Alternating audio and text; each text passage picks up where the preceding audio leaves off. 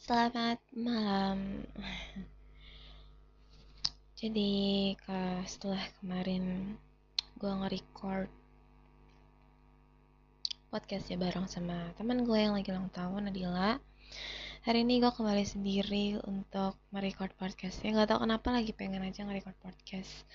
Uh, anyways, nanti malam adalah sahur pertama di tahun 2021 ini di bulan Ramadan ya karena hilal sudah terlihat jadi puasanya mulai besok. Senang banget semuanya. Mohon maaf lahir batin selamat berpuasa. Tapi sayangnya gue nggak bisa ikut puasa pertama ya karena halangan perempuan setiap bulan ya.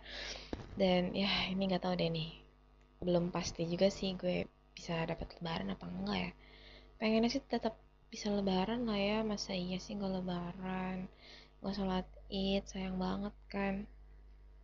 Cuman ya gue berharap yang terbaik aja lah untuk diri gue dan keluarga gue terutama di bulan Ramadan kali ini. Selain Ramadannya sebenarnya Ramadannya nggak begitu beda lah ya menurut gue. Di tahun lalu pun kita udah sama-sama ngejalanin Ramadan di masa pandemi ini kan. Yang emang ya yang jualan takjil juga masih banyak. Cuman uh, gue sih tahun lalu nggak ada buka bersama di luar ya. Gue full puasa di rumah. Buka puasa di rumah sahur di rumah. Nggak ngayap ke mana-mana tahun lalu. Benar-benar stay di rumah aja. Uh, eh ngayap gak ya? Kayak enggak sih nggak ngayap ke mana-mana. Paling ya cuman buat ke pasar beli uh, bahan masakan atau emang beli takjil kayak gitu-gitu doang. Bahkan nggak visit keluarga. Visit deh visit visit di lebaran ketiga. Gak visit keluarga dari keluarga nyokap. Uh, dan tahun lalu itu adalah lebaran pertama gue tanpa nenek gue yang biasa gue panggil tuh emak sebutannya. Tahun ini pun ya sama udah nggak ada emak gue udah nggak punya kakek udah nggak punya nenek. Jadi uh, kesepian sebenarnya ya, ocehan-ocehan orang tua itu sebenarnya kadang tuh kangen gitu. Kayak nenek-nenek ngeluh nenek-nenek cerita nenek-nenek banyak ngelarang. Kangen kangen itu gitu kangen celotehan itu dari nenek gue. Dan kalau dari pihak bokap gue gue tuh nggak pernah ketemu sama mbah kung gue atau mbah uti gue karena Mbah Kung gue tuh almarhum udah meninggal ketika bokap gue tuh umur 3 tahun. Sedangkan Mbah Uti gue itu meninggal waktu uh, abang gue tuh satu tahun kalau nggak salah. Jadi di tahun 95 kurang lebih lah ya seingat gue sih gitu. Tapi Mbak Uti gue tuh sempat nikah lagi sama uh, orang lain yang mana itu jadi kakek tiri gue gitu harusnya. Cuman beliau juga udah wafat. Nggak tahu dia di tahun berapa. Yang gue inget sih gitu. Terus kalau dari keluarga nyokap gue manggilnya Datu sama emak. Datu karena gue ada turunan Palembang Lampung Sumatera lah ya pokoknya.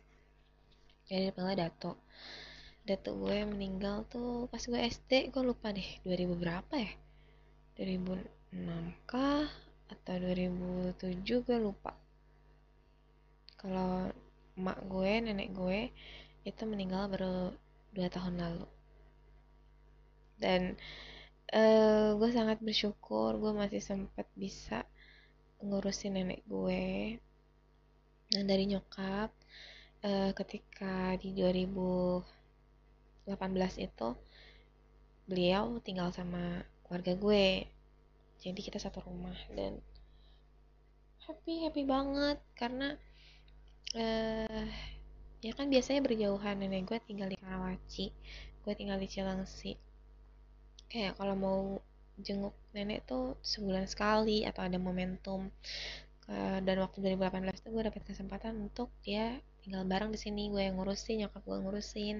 Karena udah pikun juga udah udah lupa udah kayak anak kecil banget.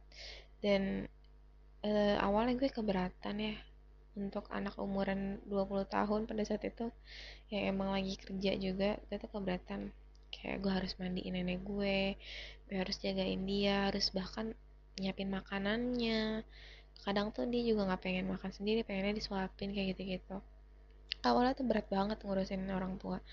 Cuman makin ke sini gue kayak makin enjoy makin kayak ya udahlah gitu ya namanya juga orang tua kita mau gak mau emang pasti harus ngurus gitu. Kalau hati kita ikhlas jalan ini juga santai aja jadi nggak ada rasa beban gitu.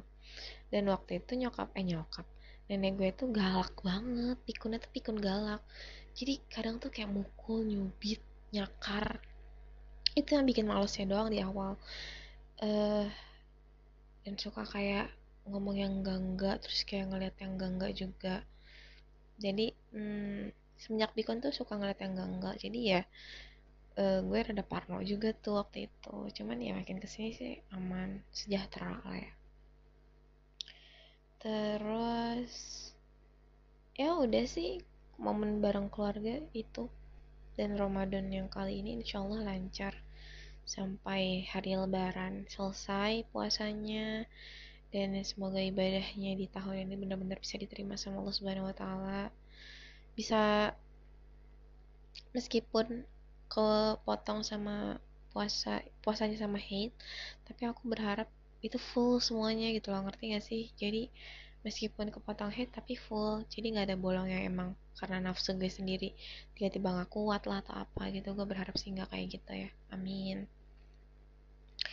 Karena dua tahun lalu tuh gue sempet puasanya tuh bolong banyak banget coy. Itu di 2018 lah ya berarti kurang lebih itu banyak banget sumpah bolongnya. Eh 19 coy 19 itu karena uh, karena lingkungan kerja. Jadi waktu itu gue kerja eh di cafe dalam mall dan teman-teman gue tuh bajingan semua. Teman-teman gue tuh selalu ngajak eh sebat lah cai. Cai sebat sebat. Kayak gitu gitu dan gue tuh nggak tahannya ya cuman karena ngerokoknya doang sih ya di tahun itu. Dan uh, bener-bener gak bisa nahan gak ngerti kenapa kayak setannya kuat banget. Eh mungkin bukan setan ya tapi akunya aja ya. aku tuh kuat banget untuk ngerokok. Jadi ya udah buyar. Akhirnya mesen makan sekalian beli minum sekalian kayak gitu-gitu. Yang emang ya nggak berkah lah ya sebenarnya. Cuman alhamdulillah banget di 2019 itu kan gue masih kerja jadi gak dapet THR uh, eh, itu salah satu motivasi gue untuk berpuasa full ya pada saat itu nggak apa-apa lah yang penting masih ada motivasi daripada nggak ada sama sekali kan. Dan tahun ini bedanya ya gue freelance gue pengangguran banyak acara benar-benar pengangguran. Paling ya nulis-nulis gitu lah ya untuk bisa dapat rezeki. Dan insya Allah sih puasa kali ini full lagi ya sama kayak tahun lalu karena kan gue ya di rumah aja. Udah gitu juga kegiatan gue nggak banyak kok kegiatan rumahan. Dan saat ini pun gue udah mengurangi sangat amat mengurangi rokok. Satu karena gue sakit. Jadi gue tuh udah kena penipisan lapisan lambung.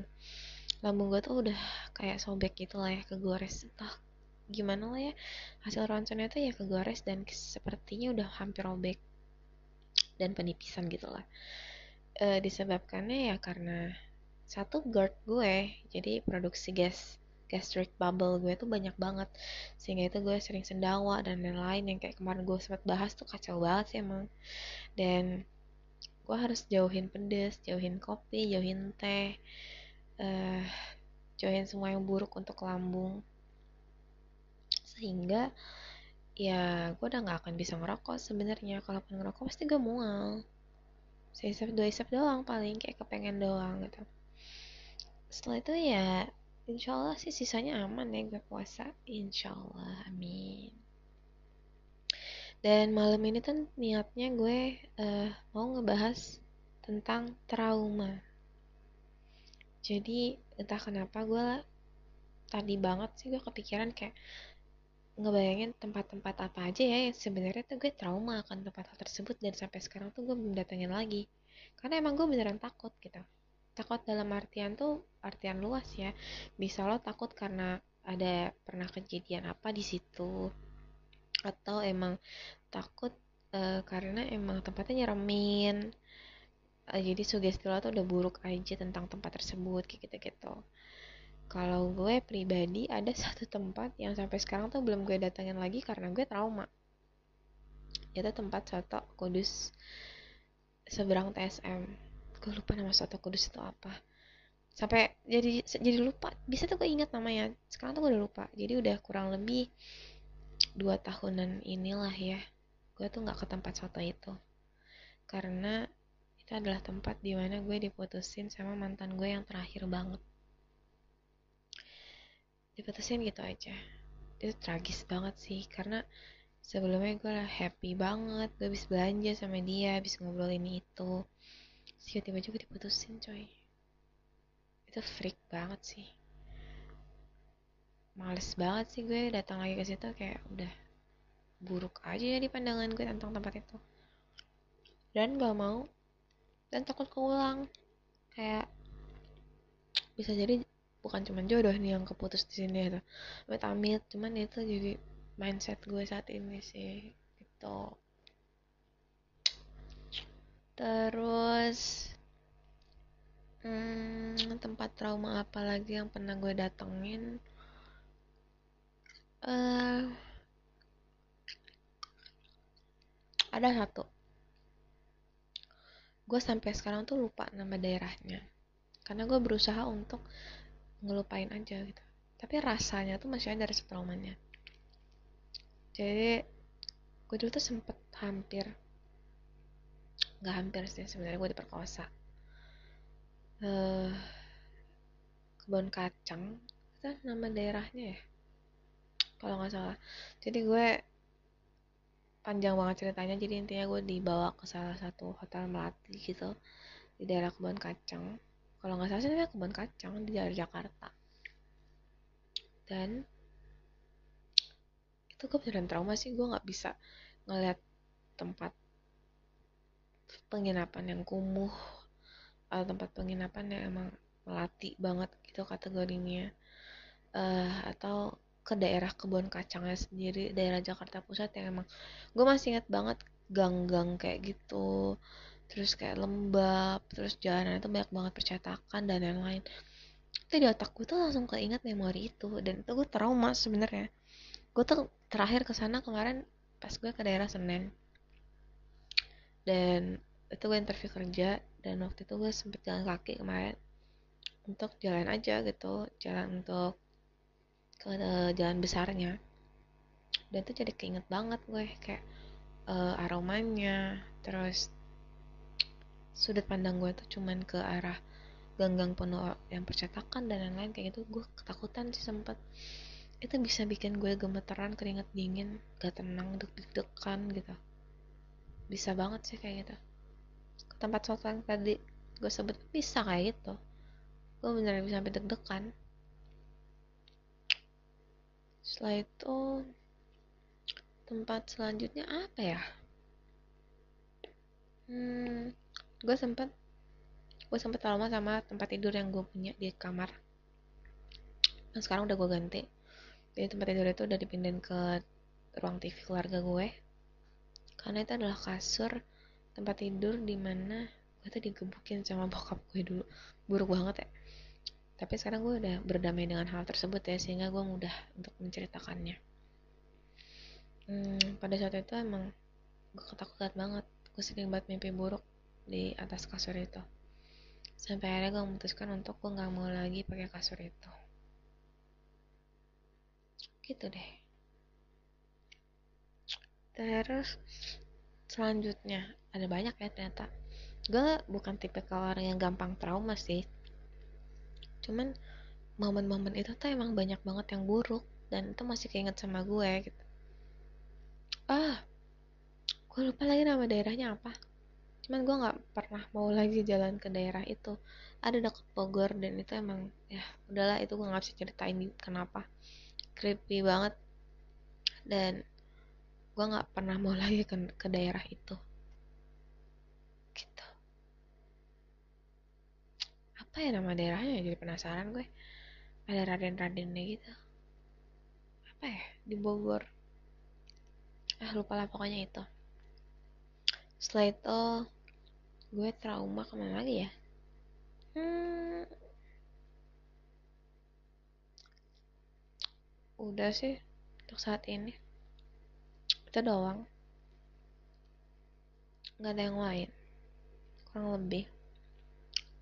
Terus gue tadi sempat kepikiran juga. Karena gue habis ngeliatin foto-foto aja langsung skip banget nih ya topiknya. Karena gue tadi tuh habis ngeliatin foto-foto hasil kemarin gue foto-foto sama Nadila gue baru ngeliat ternyata jaket yang gue pakai itu adalah jaket pemberian dari mantan gue yang sampai sekarang tuh masih ada di gue dan emang gue suka banget sama jaket itu. Uh, itu jaket merek Tims kalau nggak salah. Warnanya grey gitu. Disebutnya jaket pororo pada saat zamannya itu. Dan emang gue suka banget jaket itu.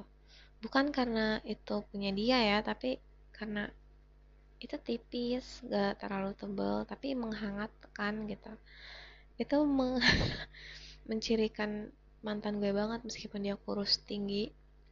Tapi dia tetap menghangatkan gue gitu. Uh, di segala momen yang ada ketika gue nangis ketika gue sedih gitu atau marah atau lagi happy dia tuh selalu ada untuk meluk gue gitu loh. Uh, gitu deh pokoknya. Cuman ya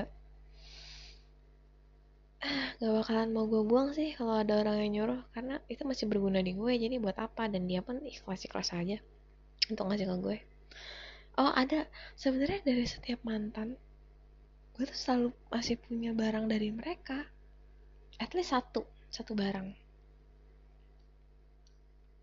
Kalau yang pertama mantan gue pertama si itu yang masih ada di gue adalah boneka pemberian dari dia Rilakuma. Gue suka banget Rilakuma just for your information ya guys.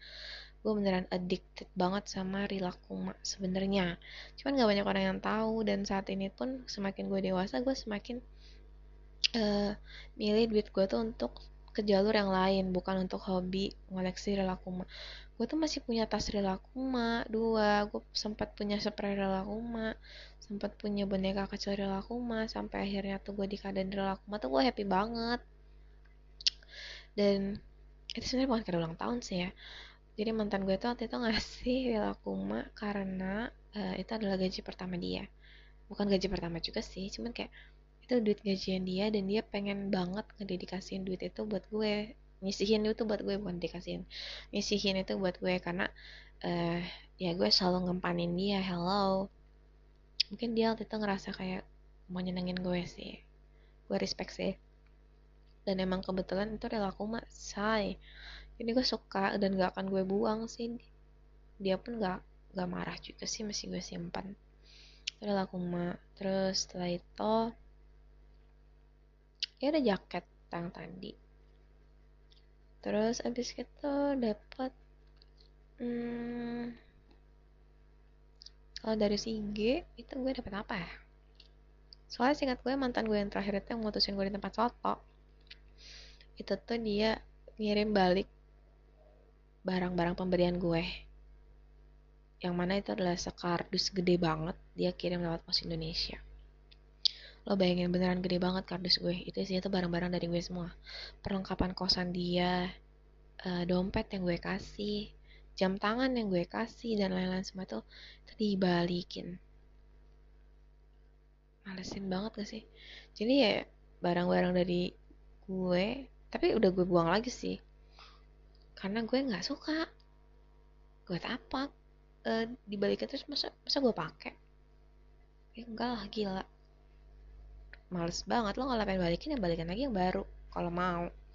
Kalau nggak lo balikin aja duitnya. Serah. Iya gak sih? Kan gue pakai duit. Anjir. Itu gue kesel banget sempat kesel sih gue. Bukan ke anak-anak sih cuman freak aja. Ngasihin barang dari mantan. Dibalikin gitu aduh. Gak banget deh. Apaan sih gitu. Terus setelah itu gue uh, masih nyimpen juga sweater salt and pepper. Yang emang gue suka banget. Itu pemberian dari seseorang. Yang bisa gue sebut mantan atau enggak ya gue nggak tahu sih ya. Cuman ya ada lah. Itu masih ada di gue. Dan gue suka banget. Masih sering gue pakai juga. Masih bermanfaat soalnya. Karena itu yang versi tebal jadi kalau gue sakit gue pakai itu. Kalau gue kedinginan gue pakai itu gitu. Barang-barang dari mantan waduh. Banyak banget sih pokoknya kalau menurut gue itu masih berguna di gue gue akan tetap menyimpannya. Selama itu masih bermanfaat ya. Kalau udah nggak bermanfaat ya udah gue buang. Gue sih simple itu ya bodo amat mau uh, itu dari siapa pun. Yang penting kalau emang masih berguna ya gue pakai. Gitu dan kalau emang gue nggak punya eh kalau nggak punya kalau gue punya barang yang nggak berguna pasti gue kasih orang. Karena gue nggak pengen menuh-menuhin barang di kamar gue itu satu. Terus kedua uh, kan katanya tuh nanti dihisap ya barang-barang yang emang uh, ada doang tapi nggak kepake tuh nanti dihisap sama Allah kan.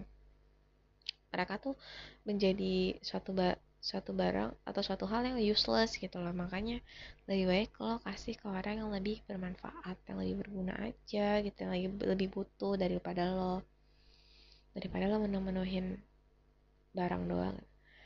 Ya menurut gue sih mengoleksi suatu benda itu sebuah hal yang tidak diperlukan. Atau menurut gue ya ini opini gue sekali lagi ini opini gue. Koleksi itu tuh sebenarnya nggak perlu dilakukan sih. Itu menurut gue. Karena uh, ya mungkin untuk aset dan lain-lain kali ya di zaman sekarang cuman gue rasa bisa deh ke hal yang lain. Kalau kayak lo koleksi tas gitu lo mending jual-jualin aja. Enggak deh kayak enggak kalau buat apa lo beli kalau ujung-ujungnya dijual? Buat nilainya lebih tinggi doang gitu. Ya ya oke okay. cuman itu barang milik lo dan lo tuh bukan pedagang gitu loh maksud gue job desk lo tuh bukan pedagang kecuali lo pedagang jadi lo nyetok. Itu barang nggak useless dong karena lo masih masih menjual itu.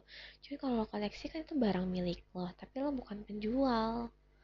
Ngerti gak sih? Itu ya useless dan gak mungkin lo pakai setiap hari semuanya kan gitu. Gitu sih. Gak mau sia-sia deh gue. Gue setelah tahu beberapa hal yang emang menurut gue masuk nalar gue ya gue akan melakukan itu gue akan menjalani itu sebaik-baiknya dan sesanggup gue tanpa memaksakan diri gue untuk melakukan hal yang di luar uh, kebisaan gue. Gitu. Hmm. apalagi ya uh, ya sekarang masih musim hujan lah ya. Jadi ya beginilah. Bagaimana gue sempat sakit sakit-sakit gak jelas gitu lah ya sakit-sakit yang pancaroba. Yang emang musim sekarang tuh gak ketebak ya entah itu panas entah itu hujan. Harusnya sih katanya udah masuk musim panas kan ya kemarau. Tapi ini sama sekali kayak ngerasanya kemaraunya nggak berasa karena hujan mulu.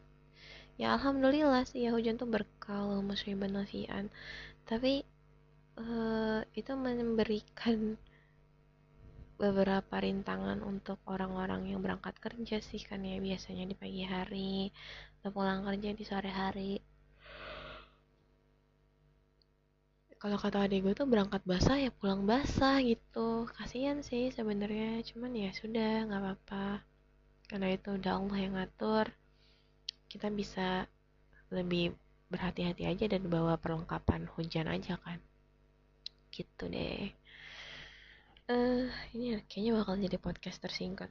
Di ini gue deh di podcast gue. Cuman ya oke okay lah ya karena gue udah agak ngantuk nih. Nanti gue harus nyiapin sahur dan lain-lain. Meskipun gue nggak puasa gue tetap harus coba nyiapin sahur.